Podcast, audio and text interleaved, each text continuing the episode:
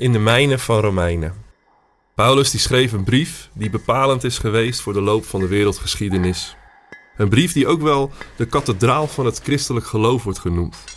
Een brief die erom vraagt om gelezen en herlezen te worden. Een brief waar je schatten in kan opdelven, waar je in kan graven en waar je in kan zoeken. Een brief van Paulus, speciaal voor jou.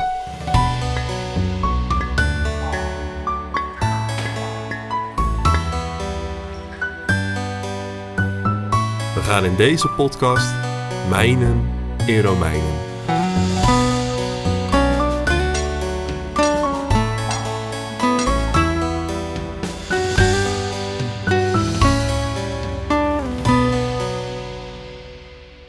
In de vorige aflevering hebben we het gehad over de verhouding tot de overheid.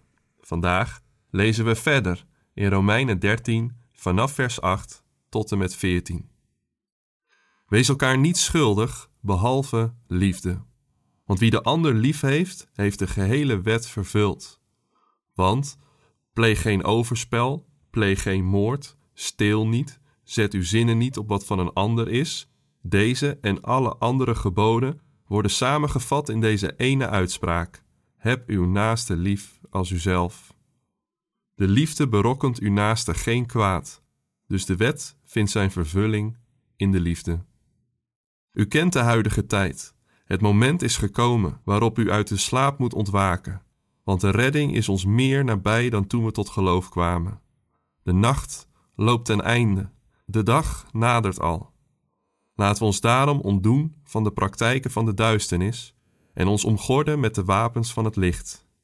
Laten we daarom zo eerzaam leven als past bij de dag en ons onthouden van bras- en slempartijen, ontucht en losbandigheid, tweespalt en jaloezie. Omkleed u met de Heer Jezus Christus en geef niet toe aan uw eigen wil die begeerte in u opwekt.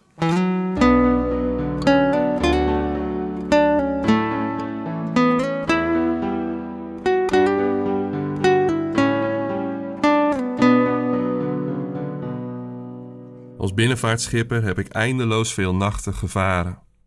Terwijl de nacht om je heen ligt, onderweg zijn richting je bestemming. Ik had er een hekel aan. En ik vond het ook mooi. Ik lag liever in mijn bed, maar die steden waar je doorheen voer in de nacht, de eindeloze hoeveelheid lichtjes, een glasheldere maan en het idee dat iedereen slaapt behalve jij, maakt de nacht toch ook wel tot iets aparts. Maar soms duurde het wel lang. Zeker tegen de ochtend. Als je weet dat het bijna dag wordt, is de nacht op zijn zwaarst. Dit is ook wat de discipelen van Jezus beleefden in die storm op het meer, in die nacht.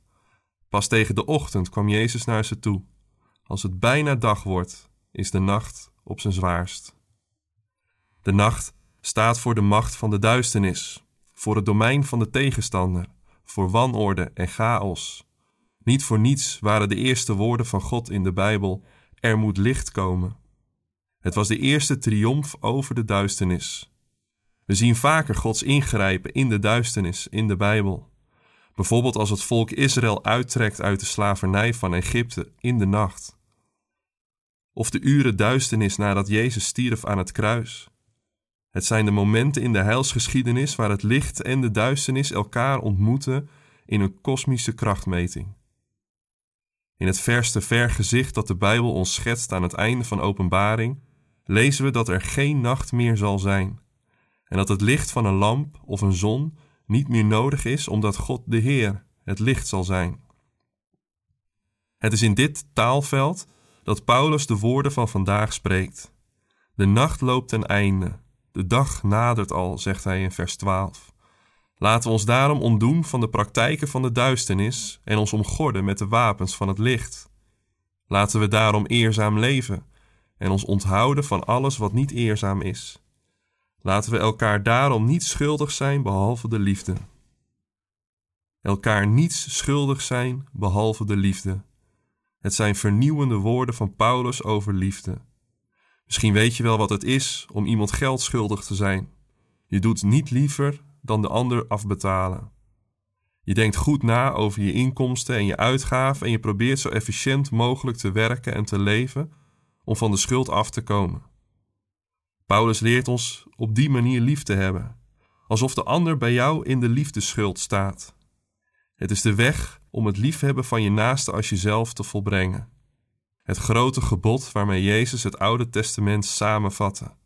Heb de Heer je God lief boven alles en je naaste als jezelf.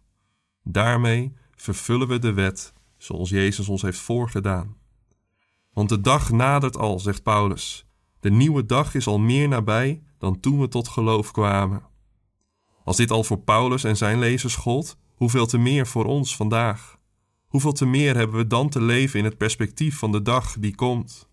Hoeveel te meer is het dan aan ons om in onze wandel te getuigen van die nieuwe wereld, die nieuwe dag waarin God zelf, die liefde en recht is, de aarde zal vervullen en een einde zal maken aan de nacht. Als het bijna dag wordt, is de nacht op zijn zwaarst. De Bijbel spreekt regelmatig met het oog op die nieuwe dag over de moeilijke tijden die er voorafgaand aan de nieuwe dag, voorafgaand aan de komst van het Koninkrijk van God in alle volheid zullen zijn. Jezus noemde aardbevingen, oorlogen en vervolgingen als tekenen van die nieuwe tijd. Hij noemde het weeën, weeën van de nieuwe wereld die komt. Een bevalling gaat niet om de weeën, maar om datgene wat er komt. Het zijn tekenen die wijzen op de nieuwe dag. Paulus roept op om wakker te zijn, om te waken in de nacht, om met de ogen open te zien wat er gebeurt en de dag te herkennen als deze aanbreekt. Ik weet niet hoe jouw nacht verloopt, of je verlangt naar de nieuwe morgen, of het je lukt om in de nacht te leven voor de dag. Maar met de woorden van Paulus wil ik je vandaag aansporen om te ontwaken en je leven in te richten naar de dag die komt. Om als Jezus God lief te hebben boven alles en je naaste als jezelf, want de nacht loopt ten einde en de dag nadert.